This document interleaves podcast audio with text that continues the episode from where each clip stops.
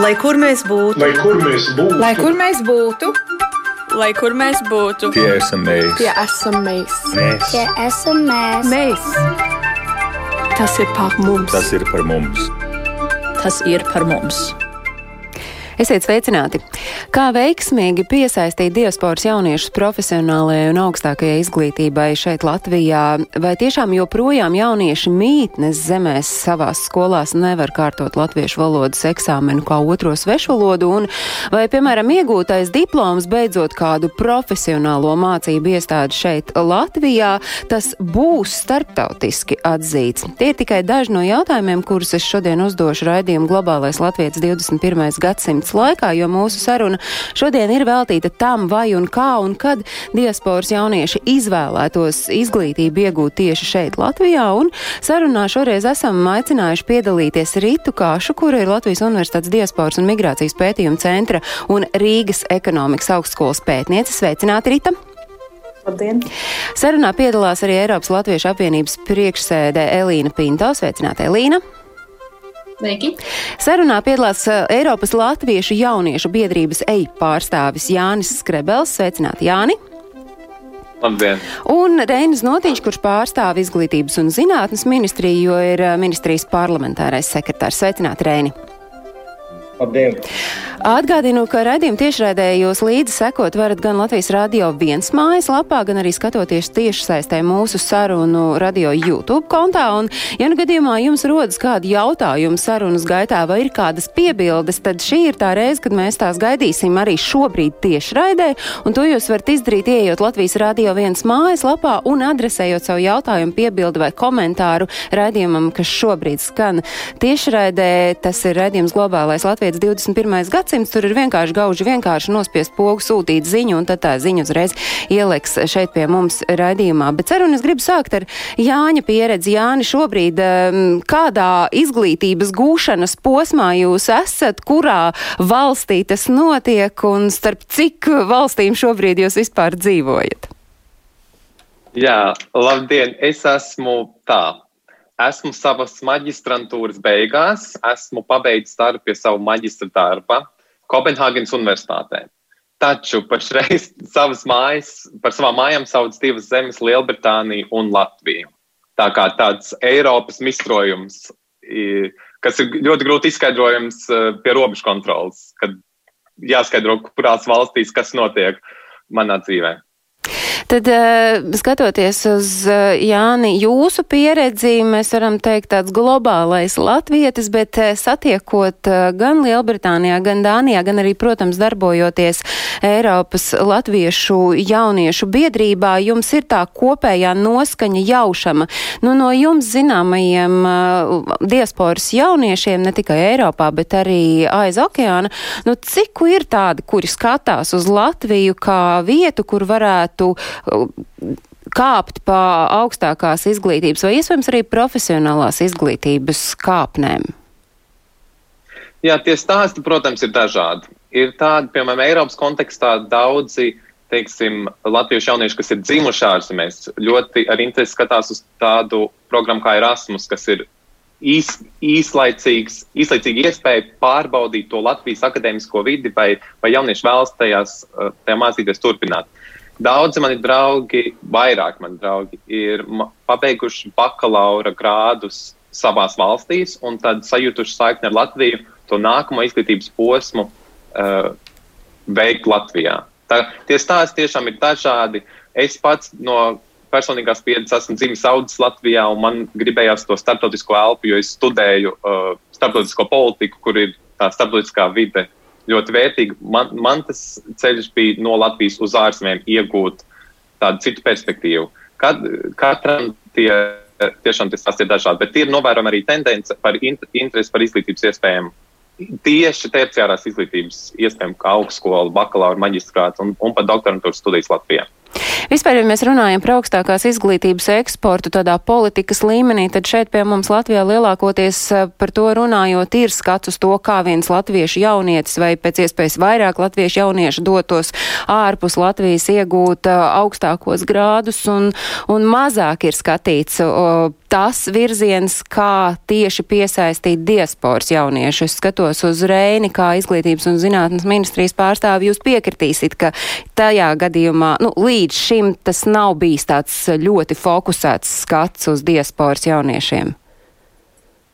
Jā, sveiki visiem. Pirmām kārtām gribēju izmantot iespēju un nodot visām dāmām sveicienu sieviešu dienā. Um, Paldies! Bet atbildot uz jūsu jautājumu, pavisam noteikti šis ir vēl nepiepildīts potenciāls. Es gribētu teikt, tas ir lielisks izaugsmas potenciāls Latvijas augstākās izglītības sistēmai un arī profesionālās izglītības sistēmai. Mēs redzam, ka lēnām Latvijā kārtojās gan augstākās izglītības sistēma, kur mēs šobrīd veicam augstākās izglītības uh, reformas, ko Latvija ir gaidījusi principā 15 gadus. Uh, gan arī profesionālā izglītībā notiek būtiskas pārmaiņas. Eh, varu pieminēt pēdējā desmit gadu laikā ieguldīto miljardu eiro profesionālās izglītības infrastruktūrā un tehnoloģijās. Eh, un tāpat var pieminēt arī būtiskus tādus izglītības kvalitātes saistītus procesus, kā piemēram profesionālā izglītībā pārēju uz modulāru pieeju. Kāda tā padarīt... ir? Kāda tā ir tā modulārā pieeja, lai skaidrs? Nu, tātad, Tātad eh, mēs mācāmies nevis pilnu programmu un visu, visu noteikto vielu tajā konkrētajā, eh, priek, nu, tajā konkrētajā virzienā, ko mēs esam izvēlējušies, bet mēs varam izvēlēties specifiskāk vienu moduli, kas ietver tajā programmā varbūt citu moduli no, no citas, eh, citas teiksim, nu, mācību programmas. Un tādējādi pats pašam vairāk izvēlēties, kā kombinēt šo izglītības saturu un eh, teiksim, piemācīties klāt vai izglītoties tālāk tajās, tajos virzienos, kas ir eh, nu, konkrētāk nepieciešams.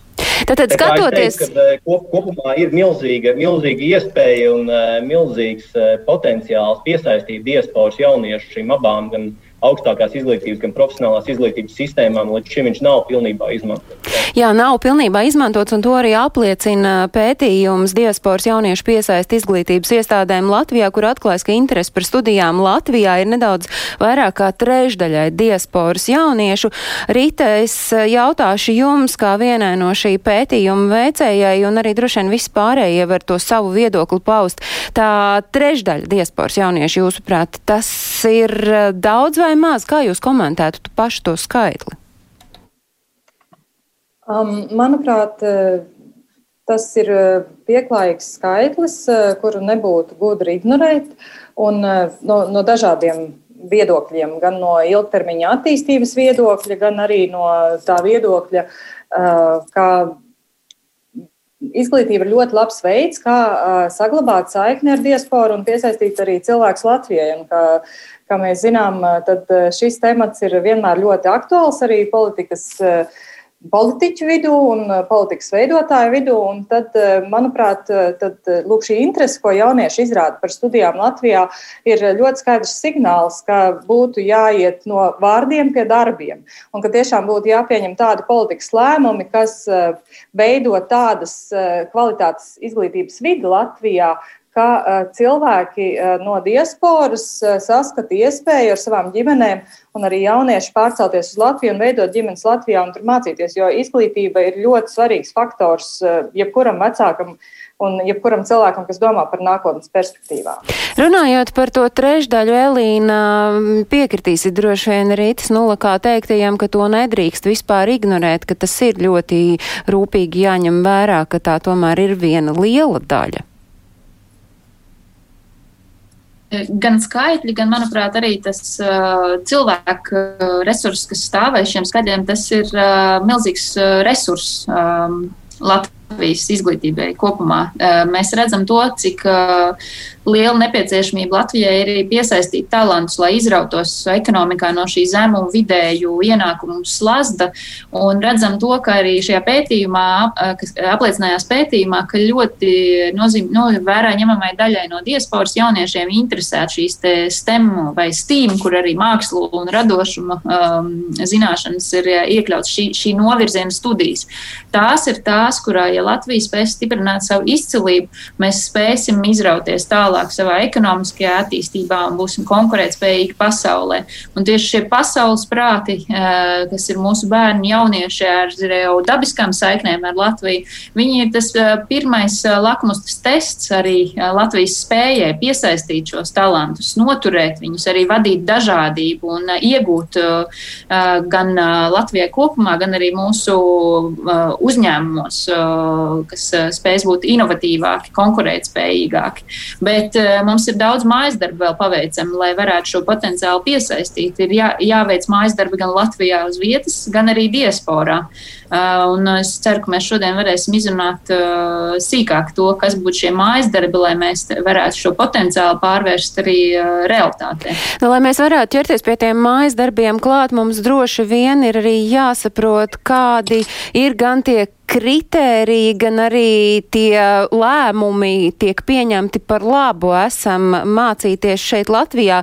Es redzu, ka Ritai šobrīd ir kāds zvana vienkārši, bet es gribēju jautāt jums tieši, Rita, vai jūs varat tad um, izstāstīt, nu, kas tad ir tas, kas mudina izvēlēties Latviju kā augstākās izglītības vai arī profesionālās izglītības vietu? Proti, par ko tad arī runā, piemēram, paši studenti, kas viņiem liktu izvēlēties? izvēlēties mācības Latvijā?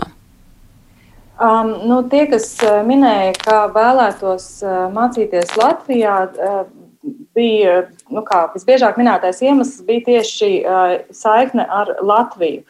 Un, um, atkal tas ir tas, ko uh, arī Elīna minēja, ka jau ir šī interese pamatā par Latviju, un šī saistība būtu jāizmanto noteikti piesaistot studentus.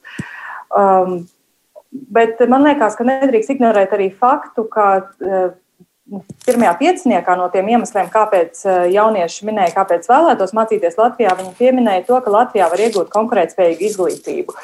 Un eh, man šķiet, ka ir, ehm, šis ir svarīgs aspekts, jo dažkārt sarunās par izglītības kvalitāti tā nostāja ir tāda, ka mēs runājam par vidējo līmeni, kaut nu, teiksim, tādā vispārinātā nozīmē eh, neizsverot, kas ir tās stiprās puses, kas jau ir Latvijas izglītībā, un kas ir tās vājās puses, kas būtu eh, kā, jānovērš un kur būtu situācija jāuzlabo.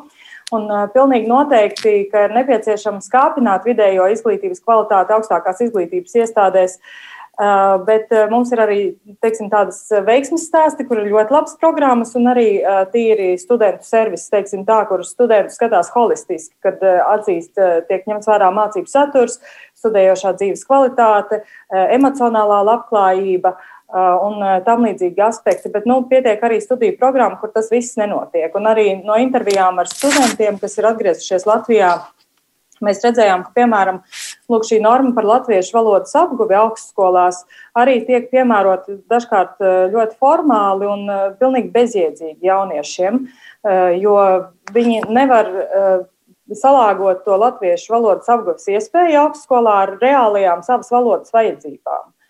Un, un tas, tas tiešām ir kaut kas, par ko ļoti jādomā, jo valoda ir tas centrālais rīks, ar ko mēs eh, izglītībā apējamies. Eh, ja mēs vēlamies, lai jaunieši latviešu valodā mācās, tad eh, mums ir jāveido tāda latviešu valodas politika augstākās un arī profesionālās izglītības jomā, kas dod jauniešiem iespējas apgūt mācību saturu un arī uzlabot un attīstīt latviešu valodas zināšanas. Un tur šobrīd ir diezgan daudz klibojošu aspektu. Elīna ir ko piebilst saistībā par valodu. Jā, es jau pirmīt minēju, ka ir šie mājas darbi, kas jāveic. Un viens no šiem pīlāriem ir tieši šis latviešu valodas apguvē arī uh, diasporā. Un, um, man liekas, ir nepieciešama lielāka nopietnība un lielāks elastīgums uh, tajos risinājumos, kas ir pieejami, lai latviešu valoda var, būtu tajā līmenī, kas ļautu Latvijā vai nu uzreiz vai pēc adaptācijas periodus eh, mācīties eh, un studēt. Pirmkārt, eh, tas, kas Eiropas Latviešu apvienības ieskatā būtu nepieciešams, mums ir jāsāk, jāatrod risinājums, lai latviešu valoda kā svešvalodu tā būtu iespēja šo valodu apgūt tālmācībā, teiksim, Latvijā atzītās mācību iestādēs, un lai ārvalstīs šīs mācības tiktu atzītas oficiāli. Teiksim, bērnam būtu iespēja latviešu valodu tālmācībā apgūt no kādas Latvijas skolas skolas tikai šo konkrēto priekšmetu un savā liecībā Vācijā, Īrijā, citur iekļaut šo kā svešvalodu. Tādā kam veidā jā, viņam jau. Kam ir jānotiek? Par šo mēs, man liekas, jau runājam, kopš vispār mēs veidojam raidījumu globālais Latvijas 21. gadsimts, un tas ir jau teju vairāk nekā divus gadus. Varbūt, ka Elīna ir idejas, kas, ko izdarīt, lai šis vairs nebūtu tā, tāds karsts kartupels jāviļā, bet tas tiktu pieņemts. Reinis zina. Es varbūt pabeigšu tās vēl Varbūt eh, es pabeigšu ar tām vēl divām lietām, Labi. kas vēl būtu jāizdara, jo tad domāju, ka tie risinājumi, rekurēnis jau ceļ roku, tas ir man liels prieks, ka jau acīm redzot zina, kas jādara, tad jau tikai darīšanas vaina. Bet uh, papildus vēl es pieminēju elastīgumu. Ir nepieciešami šie elastīgie risinājumi latviešu valodas attālinātajai apguvēji, uh, jo šobrīd piedāvājums bērniem ir, teiksim, iestāties šajā klāsflow tālmācības skolā septiņu gadu vecumā un tad uh, līdz, nu, kamēr uzvarošām beigām mācīties. Bet, kad bērns vai jaunietis gatavojas pārcelties uz Latviju, lai studētu, mācītos, ir jābūt šiem te mērķētajiem, intensīvajiem valodas piedāvājumiem, kas ļauj uzdzīt šo valodas līmeni atbilstoši. Otrakārt, diasporas latviskās izglītības saturs šobrīd, tās vadlīnijas, kas tiek izstrādātas, manuprāt, tās ir vairāk tādas piemērotas Latvij, latvietībai kā iekonservētai tādai vērtībai, kas ir vērsts vairāk šo folkloristisko nu, pagātnes mantojumu apgūšanu bet mums trūkst mūsdienīgas, aktīvas, integrējošas, eh, dažādībā balstītas izglītības satura, kas eh, ļautu diasporas bērniem, jauniešiem justies, ka latvietība ir dzīva, mūsdienīga, aktīva, kur viņi var pēc tam pārcelt atpakaļ Latvijā un arī pilsoniski un izglītībā iekļauties kā piln, pilntiesīgi latvieši, ne tikai kā folkloras vērtību nesēji. Un trešais priekšlikums ir tāds, ka mums būtu jādomā vidējā termiņā par, arī par izglītības atašajiem re, reģion, dažādos reģionos ārvalstīs, kas varētu strādāt gan ar šo izglītības eksportu, gan profesionālās, gan augstākās, gan arī atbalstīt uh, diasporas skolu darbu, lai šo mūsdienīgo kvalitatīvo latviskās izglītības saturu aiznestu pie bērniem, jauniešiem, viņi būtu gatavi pārcelties uh, uz Latviju un studēt. Um, tie ir tie mājasdarbi diasporā, ko mēs saskatām. Jāni, bija piebilde par Jā. dzīvo valodu. Jā, man bija piebilde par dzīvo valodu un par latvietības un latviešu valodas mācīšanu diasporā, ko es redzu, darb, sadarbojoties ar dažādām diasporas organizācijām un pašam dzīvoju diasporā, ir, ir mums ir ļoti salīdzinoši spēcīgi latviešu skoliņu, latviešu skoliņu tīkls un latviešu skoliņu ir teju katrā uh, diasporas valstī, kur daudz uh, latviešu jauniešu tiek pazaudēti, ir tieši pēc šīs skoliņas. Dažās valstīs šīs skoliņas ilgs līdz 12 gadiem. Uh, ASV ASV ir vasaras vidusskolas līdz 14, 16 gadiem. Un tad ir liels vakums, kas ar jauniešiem notiek pēc tam. Viena izvēle ir iet korī ar mammu un tēti kopā dziedāt vienā korī. Liela uh, ir, ir caurums, un, un tur tiek daudz latviešu jauniešu pazaudēti, ka jaunieši neredz sav, savus vienaudžus vai nu izglītojamies tālāk, vai vienkārši būt kaut kādās kopienās. Nu, te es savukārt tad redzu vismaz tādā Eiropas mērogā, Eiropas jauniešu biedrība, EI ir tā, kur tad tur varētu savukārt kurbulēt, lai, lai šis posmiņš pa vidu neizzūd. Bet ja mēs tomēr paliekam pie tā, ka latviešu valodu apgūt kā, kā svešu valodu attālināti un dabūt to, ka tas ir reāls vērtējums arī liecībā, lai kur arī šis latviešu jaunietis nedzīvotu, Reini, kas ir jāizdara no Latvijas puses, lai tas varētu notikt? Jā, nu mēs uh, dzīvojam 21. gadsimtā, arī šis raidījums saucās ja, 21. gadsimta Latvijas, ja, globālais Latvijas. Apmēram, ja. Un, uh, tā kontekstā man gribētos teikt, ka ir jāskatās uz mērogojamiem risinājumiem. Ne tikai klātienes risinājumiem, bet mērogojamiem. Un ar mērogojumiem es domāju tāds risinājums, kā Elīna minēja, ka nu, ir jādara. Un tad es minēšu vienu, vienu lietu, kas, eh, kas gan jau Elīnai arī nav paslīdējis garām, un tas ir tava klase. Tātad, ar ko mēs iesākām, principā, digitalizēt Latvijas eh, izglītības sistēmu, Latvijas skolu, eh, šo daba klases raidījumu, ko mēs iesākām pirmajā Covid vilnī. Tātad ir skatījās 70 dažādās pasaules valstīs, pārsvarā diaspora. No daudziem diasporas locekļiem personīgi saņēmu viedokli, ka ar šo tavu klases projektu ir izdarīts vairāk nekā Latvijas valodas aģentūra vai kāda cita formāla iestāde ir spējusi desmitgadē. Ja? Bet kas un, ir jāizdara, tā... lai, lai varētu šo eksāmenu, nu, nu, ja tas varētu parādīties jau kā reāli mm. pārbaudījuma atzīme ar tavu klasi, uh, jā, tur var papildu droši vien uzdzīt prasmes, bet, uh, bet lai tas tiktu atzīts, kā, nezinu, Francijā izglītības ministrija teiktu, lai iet, vai, vai to teiktu, es nezinu, kur citur pasaulē. Mm. Kas Latvijas jā, izglītības un zinātnes ministrijai ir jāizdara? Es, es, es pabeidzot savu domu, tad šis bija pirmais punkts, un otrais punkts tieši par to atzīšanu. Vienkārši tas saistās ar to, ko es sāku stāstīt. Un tas, ko es sāku stāstīt, ir to, ka mums ir jāmeklē digitāli un mērogojami risinājumi. Tāds kā, kāda ir šī, šī tava klase, kur idejiski tu uzbūvē visas 12 klases Latvijas izglītības sistēmu, ko jebkur tu atrodies diasporā, tu vari izsekot līdzi visai Latvijas skolu sistēmai, visai Latvijas izglītības sistēmā un iemācīties latviešu valodu pēc tavu klases programmas. Ja? Nu, bet cik ir reāli? Mēs jau, Reini, Reini, Reini, piedod, bet mēs jau saprotam, mēs. Mēs taču saprotam, ka tie bērni nemācīsies tavā klasē cauru dienu. Viņam vajag, kur ir iespēja būt latviešu valodu, kā svešu valodu, nevis uh, augstākajā jā, raiņa jā. līmenī, bet kā svešvalodā, tad ir satura jautājums, un otrs, protams, ir formas jautājums, kur šie digitālie risinājumi šodien es, dod fantastisku jā, iespēju. Un es pat domāju, es atvainojos, mīļie, jā. līmenī. Par to ir starp stāst. valdībām, lai tiktu atzīta šī Latvijas ja drīz, sniegtā izglītība iekļaušanai lietībā. -hmm. Ja jūs ļausiet man pabeigt domu, tad es to otro punktu arī gribēju izstāstīt. Tātad šai uh, valodas atzīšanai ir jābūt uh, digitālai, un to ir jāvar izdarīt neatbraucot uz Latviju. Tātad attālinātām. Visiem šiem procesiem ir jābūt attālinātiem. Tas, ko ir izglītības un zinātnes ministrija iesākusi, bet uh, tas nenotiek, manuprāt, pietiekami ātri. Tātad ir uh, panākt šī arī atzīšana Eh, Baltijas eh, diplomu atzīšana Baltijas eh, valstu vidū. Tas ir gan vairāk par, par mācību, izglītības diplomiem. Ja. Baltijas valstīs tātad principā mums ir atzīta izglītība, ka jebkuru diplomu mēs varam izmantot, lai brauktu tālāk mācīties uz Latviju bez papildus. Teiksim, apgūšanas.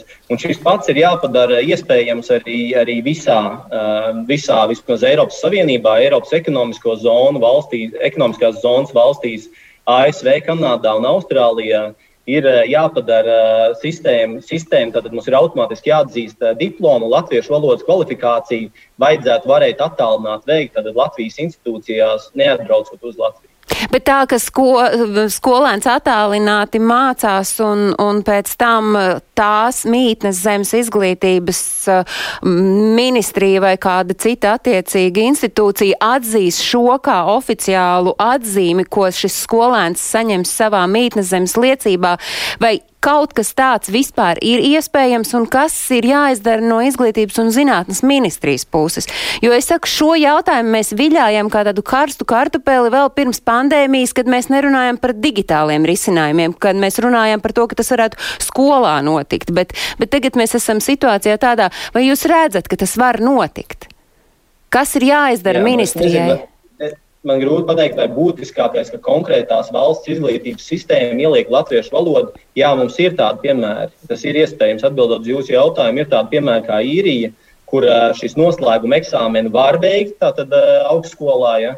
Beidzot, beidzot, beidzot, beidzot arī 12. klases vidusskolā var veikt šo latviešu valodas eksāmenu, bet tā ir konkrētās valsts izvēle. Un jāsaka, īrija tomēr nenodrošina to izglītības procesu. Viņi nodrošina tikai eksāmenu, nevis to izglītības procesu pa soļiem. Tāpēc vai, vai būtiskākais ir panākt katrā Eiropas Savienības valstī, vai mēs esam pietiekami liela valsts, tomēr, lai panāktu, ka katra Eiropas Savienības valsts savā izglītības sistēmā ieliek, ja, ieliek teiksim, nu, pie 12. klases, kad ir iespēja likt latviešu valodas eksāmenu. Nu, tas, tas, tas ir procesā, bet nu, tas būs pietiekami sarežģīts jautājums, jo Kā jūs zinat, arī katru Eiropas Savienības valodu nevar Latvijas skolās teiksim, eh, eh, nolikt, eh, nu, tātad, lai, lai, lai nolikt pēc pabeidzot, teiksim, ārzemnieks, ja, no, no pieņemsim Bulgārijas, pabeidzot vidusskolu Latvijā, nevarēs bulgāru valodā kārtot uh, eksāmenu. Elīna, tas ir vajadzīgs. Mēs varbūt lieka laiku tērējam tagad. Te cīnoties par to, vai vajag vai nevajag latviešu valodu kā otro svešu valodu, uh, ar iespēju kārtot šo eksāmenu.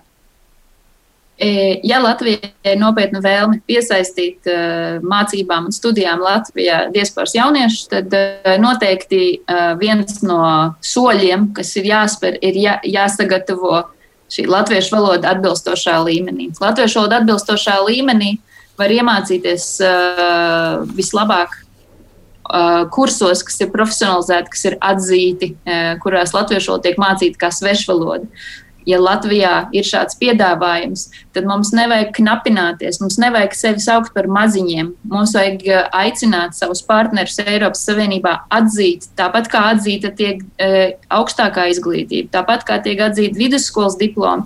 Mums ir pilnīgi pamatots e, leģitīmas prasība atzīt, lai konkrēts kurs, kuru pasniedz akreditēta mācību iestāde tiktu atzīts. Tādā veidā tam bērnam viņam tiek dota iespēja to laiku, kas viņam ir ierobežots dzīvē, veltīt latviešu valodai, jo tā nebūs tikai viņa mammas uh, abstraktā vēlme par to, lai viņš runātu latviešu valodā. Tas viņam būs, tā viņam būs arī atzīme uz liecības. Tas būs jau oficiāls dokuments, kurš apliecina viņa valodas zināšanas un kas būs ļāvis viņam šo laiku ieguldīt latviešu valodas mācībās, piemērotās, un viņam pavērš šo ceļu uz Latviju plašāk. Protams, Protams, tas nav vienīgais ceļš. Ir fantastisks arī šīs diasporas skolas, kurās tiek veikts milzīgs darbs un pašaizliedzīgs, lai arī to latviešu valodu uzturētu.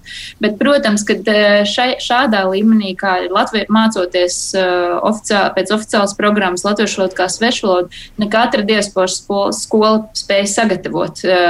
Līdz ar to tie ir vienkārši šie klucīši, no kuriem varam mēs būvēt tam bērnam, jaunietim ceļu atpakaļ uz Latviju. Un es domāju, ka izglītības ministrijas jauda ir tāda, ka mēs spējam šādas sarunas ar, ar citām valstīm vest un panākt, jo mūsu skolas ir tikpat leģitīmas kā viņu skolas, un mūsu skolas sniegtie kursi var tikt atzīti. Tam nav jābūt kādam milzīgam bubulim. Tā kā ceļš, domāju, ir ejams kopā mums. Un, to, to ir iespējams panākt. Jā. Runājot par tiem ceļiem, kas ir ejami kopā, šis jautājums, protams, paliek joprojām atklāts. Un es domāju, ka tad, kad mēs nākamreiz par šo tematu runāsim, mēs atkal varēsim šim pieskarties, proti, šai latviešu valodas prasmju atzīšanai un novērtēšanai. Bet mēs raidījumā esam ieviesuši tādu iespēju, ka vēl pirms raidījuma ik viens no mūsu klausītājiem un skatītājiem aizejot uz portāla Facebook latviešu.com kontu var uh, rakstīt savus jautājumus un piebildes un skatoties uz to, cik ļoti daudz uh, jauniešu mēs varam un gribam piesaistīt Latvijai šeit studējam augstākajā vai profesionālajā izglītībā, mums ir jāņem vērā arī tie argumenti, kas līdz šim ir atturējuši vai kas attur izvēlēties Latviju par savu gala punktu. Un Inese no Zviedrijas mums ir atrakstījuši šādu vēstuli.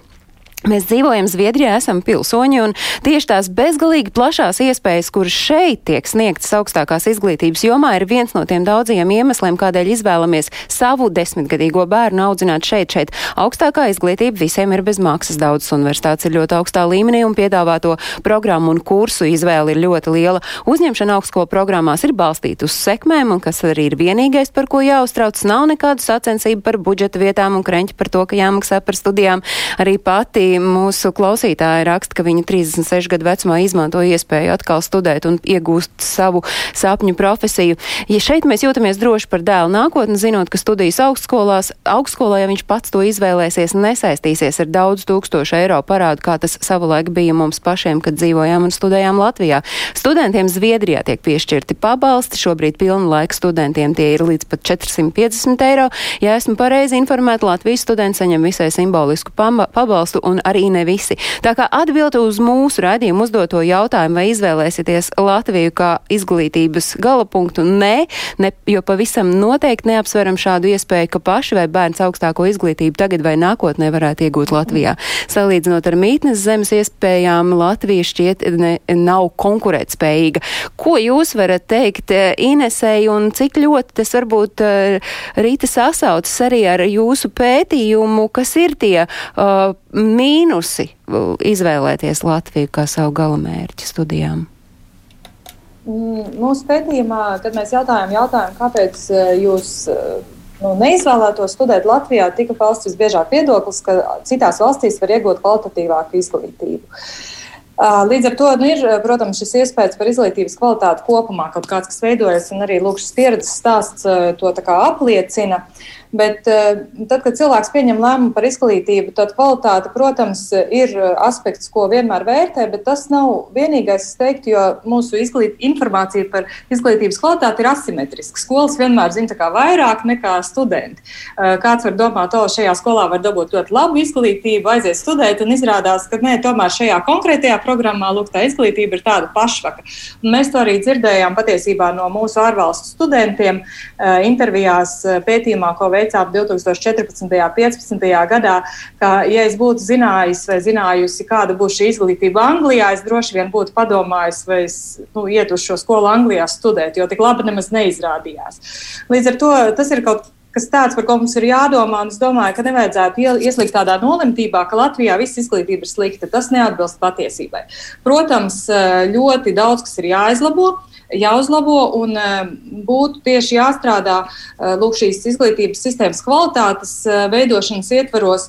Um, apmācot darbiniekus izglītības iestādēs. Kas ir tie būtiskie jautājumi, kādi ir studentiem jārisina? Kādai būtu jābūt profesionālajai attieksmei pret studentu? Cilvēki bieži aizšauja garām, aizvainojot cilvēku personiski, pasakot, vai tas kaut kāds jocīgs vārds, to nemaz nevar izlasīt. Un, tā kā Elīna teica, mēs neesam folkloras kaut kādi nesēji. Mēs esam dzīvi cilvēki, nevis kaut kādi arhetipiski laikā iestiguši tautas bruņķos un ne ar augstām cepurēm galvā staigājuši ļaudis mūsu vidū, šobrīd globālo latviešu vidū. Mums ir dažādas rases, dažādas reliģijas, cilvēki runā dažādos līmeņos, valodās.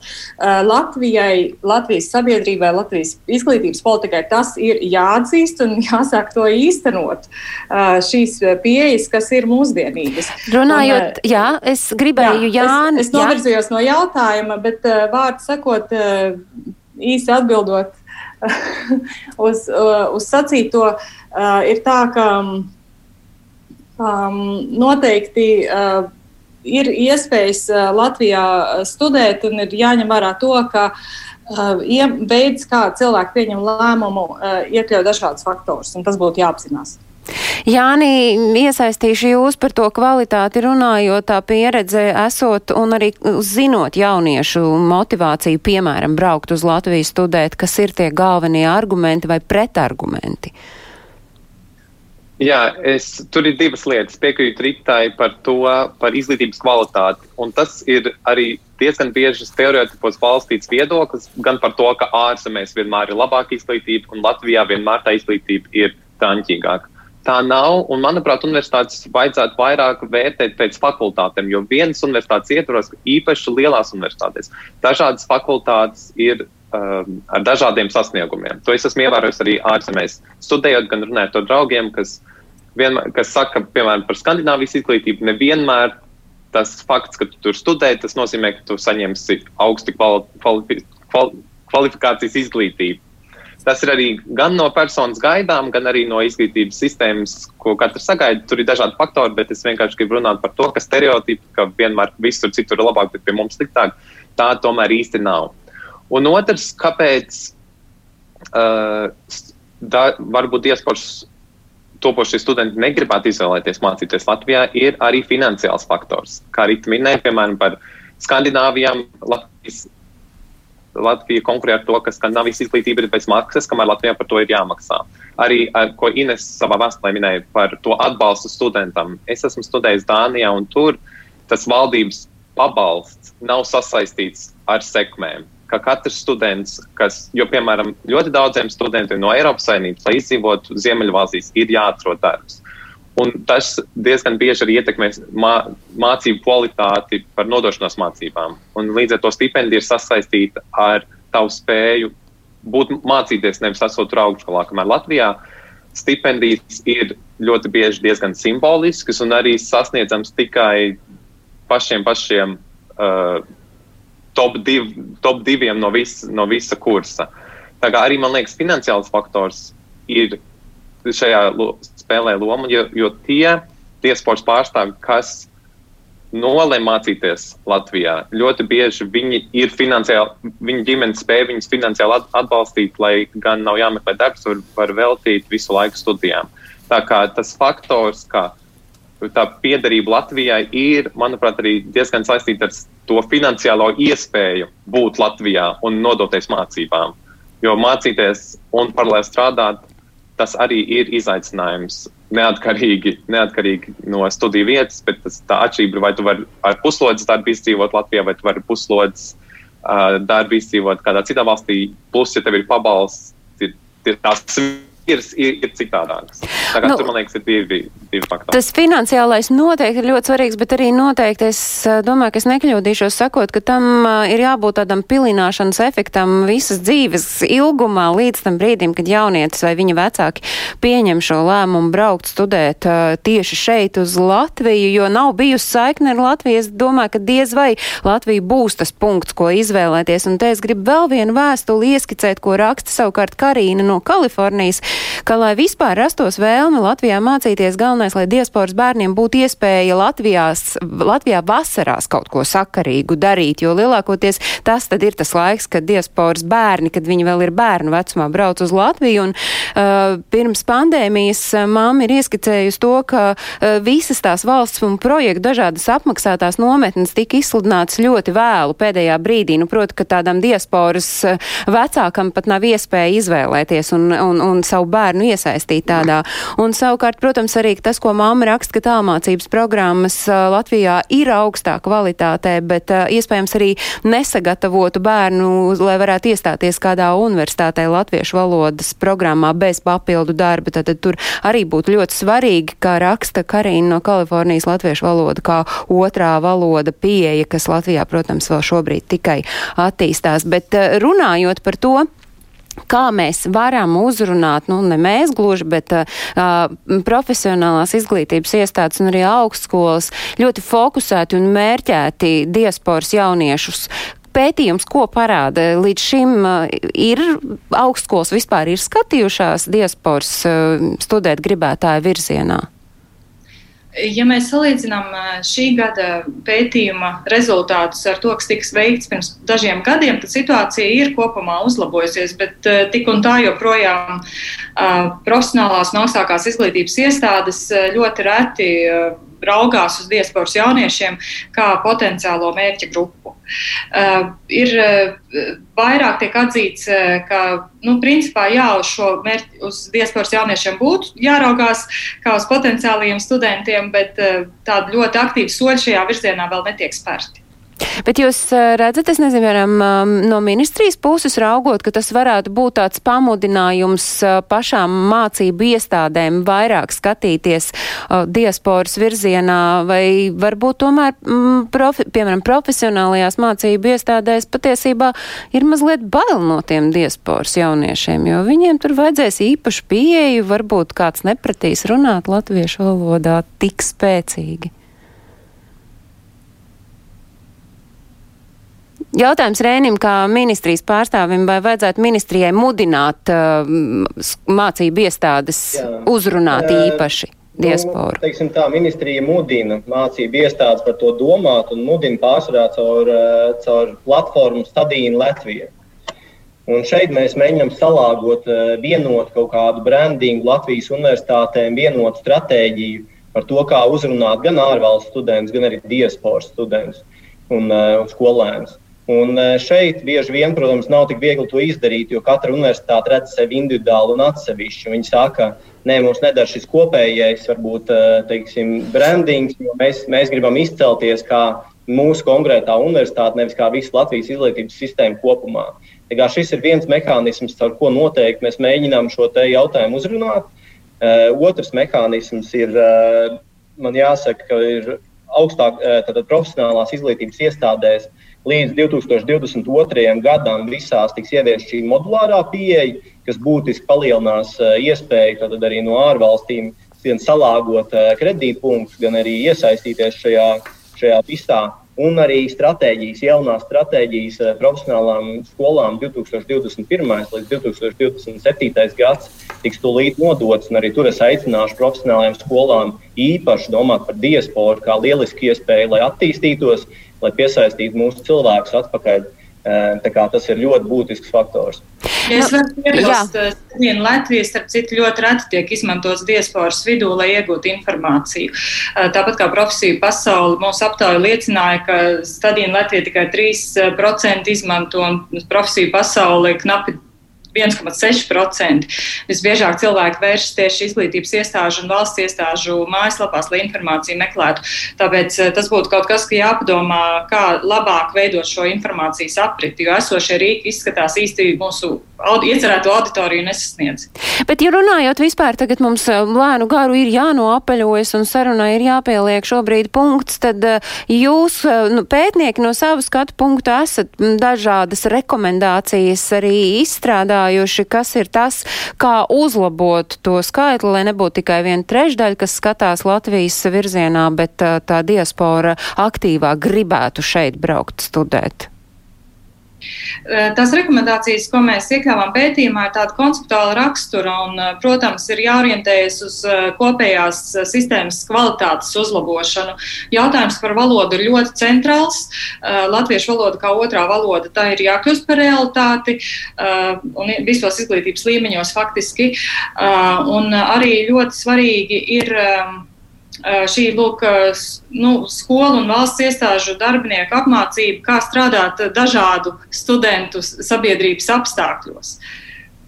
Un ministrija, es saprotu, ar šīs rekomendācijas ir saņēmusi, un jūs viņus uh, esat gatavi virzīt attiecīgi tālāk dzirdīgo ausu virzienā, un sarunas noslēgumā Elīnai es dodu vārdu vēl. Jā, paldies. Es vēlējos uzsvērt to, ka šis ir robežs šķirtnes gads. Mūsu pašu, mūsu universitātēm, profesionālās izglītības iestādēm ir jāapzinās to, ka studējošo skaits Latvijā nav neizsmeļams. Ārvalstu studenti nevarēs vairs tādām straumēm doties uz Latviju arī šo, šajos gados Covid ierobežojumu dēļ. Un diasporas skolēns, diasporas students ir tas, ko mēs varam vieglāk piesaistīt Latvijai. Un jāsāk jau laicīgi domāt par to, kā to darīt. Kas tam ir vajadzīgs? Manuprāt, Latvijas konkurētspēja izglītībā slēpjas tādā kompleksā piedāvājumā piedāvājumā.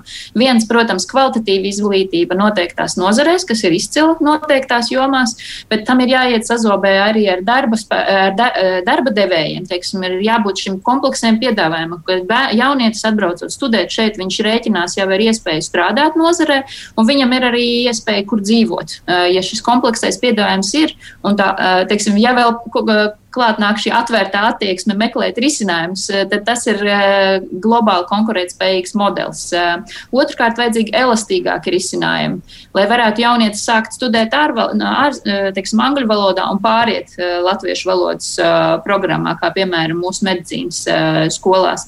Mūsu universitātēm jāsaprot, ka vispār izglītība sistēma pār, pāriet uz šo kombinēto sistēmu, kur izglītība nebūs tikai divi gadi cilvēka dzīvē, bet mūžilgs piedāvājums. Tātad mums ir jārada sistēma, uz kuru šis jaunietis atbraucot, viņš varēs vēl, vēl nākotnē atgriezties, pilnveidoties un saistīt savu dzīvi arī tad, ja viņš faktiski nepārcelsies. Bet Latvijai ir ko piedāvāt, ir tikai jāpiestrādā. Reini, kā, un Reinis neskapēc vienā brīdī bija tādu negatīvu kratīgu galvu, par ko tas bija?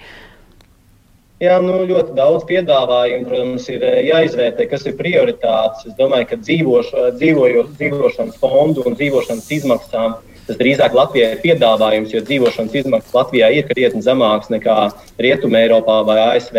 Tāpat arī pārsvarā studiju izmaksas ir tomēr zemākas nekā daudz nu, no ASV un Kanādā, protams, ar, ar kārtu Eiropas valstīs, protams, kā kurā citās ir par velti izglītību, citās jāmaksā stipri vairāk nekā Latvijā. Bet jebkurā uh, gadījumā, paldies! Būs, ko es gribu uzsvērt, ir tiešām izglītības kvalitāte un augstskolu reforma būs būtisks solis, lai uzlabotu šo izglītības kvalitāti Eh, un mērķiecīgāk ieguldīt valsts resursus augstākās izglītības sistēmā. Un vēl man liekas tā sazobe sadarbība, kas ir uh, starp valsts aparātu šajā gadījumā izglītības un zinātnes ministriju un tām organizācijām, kuras rūpēs par to, lai šie diasporas jaunieši tomēr izvēlētos Latviju kā punktu, kur viņi iegūst vai nu profesionālo izglītību vai augstāko un tad skatīties, kā pa tām uh, izglītības kāpnēm kāpt augšup. Es saku paldies par šīs reizes sarunu sarunu, kas man liekas ir tāda nebeidzamā saruna. Es saku paldies Rītai Kašai, Latvijas Universitātes diasporas un migrācijas pētījuma centra un Rīgas ekonomikas augstskolas pētniecei. Es saku paldies Eiropas Latviešu apvienības priekšsēdētājai Elīnai Pinto. Paldies arī Eiropas Latviešu jauniešu biedrības EI pārstāvim Jānim Skrebelam un paldies arī Rēnim Znotiņam, izglītības un zinātnes ministrijas parlamentārim sekretāram. Paldies arī jums, klausītāji un skatītāji, ka bijāt kopā ar mums. Un mēs ar jums, skatītāji un klausītāji, tiekamies jau pēc nedēļas. Radījuma atkārtojumu jūs varat klausīties Latvijas radio viens katru svētdienu uzreiz pēc ziņām trijos, bet es atgādinu, jā, ka vēl pirms raidījuma portāla latvieši.com Facebook kontā jūs varat komentēt un rosināt arī citus mūsu raidījumu tematus. Paldies, ka bijāt kopā ar mums, lai visiem ir jauka atlikusī diena un uz sadzirdēšanos, saredzēšanos citkārt. Tā.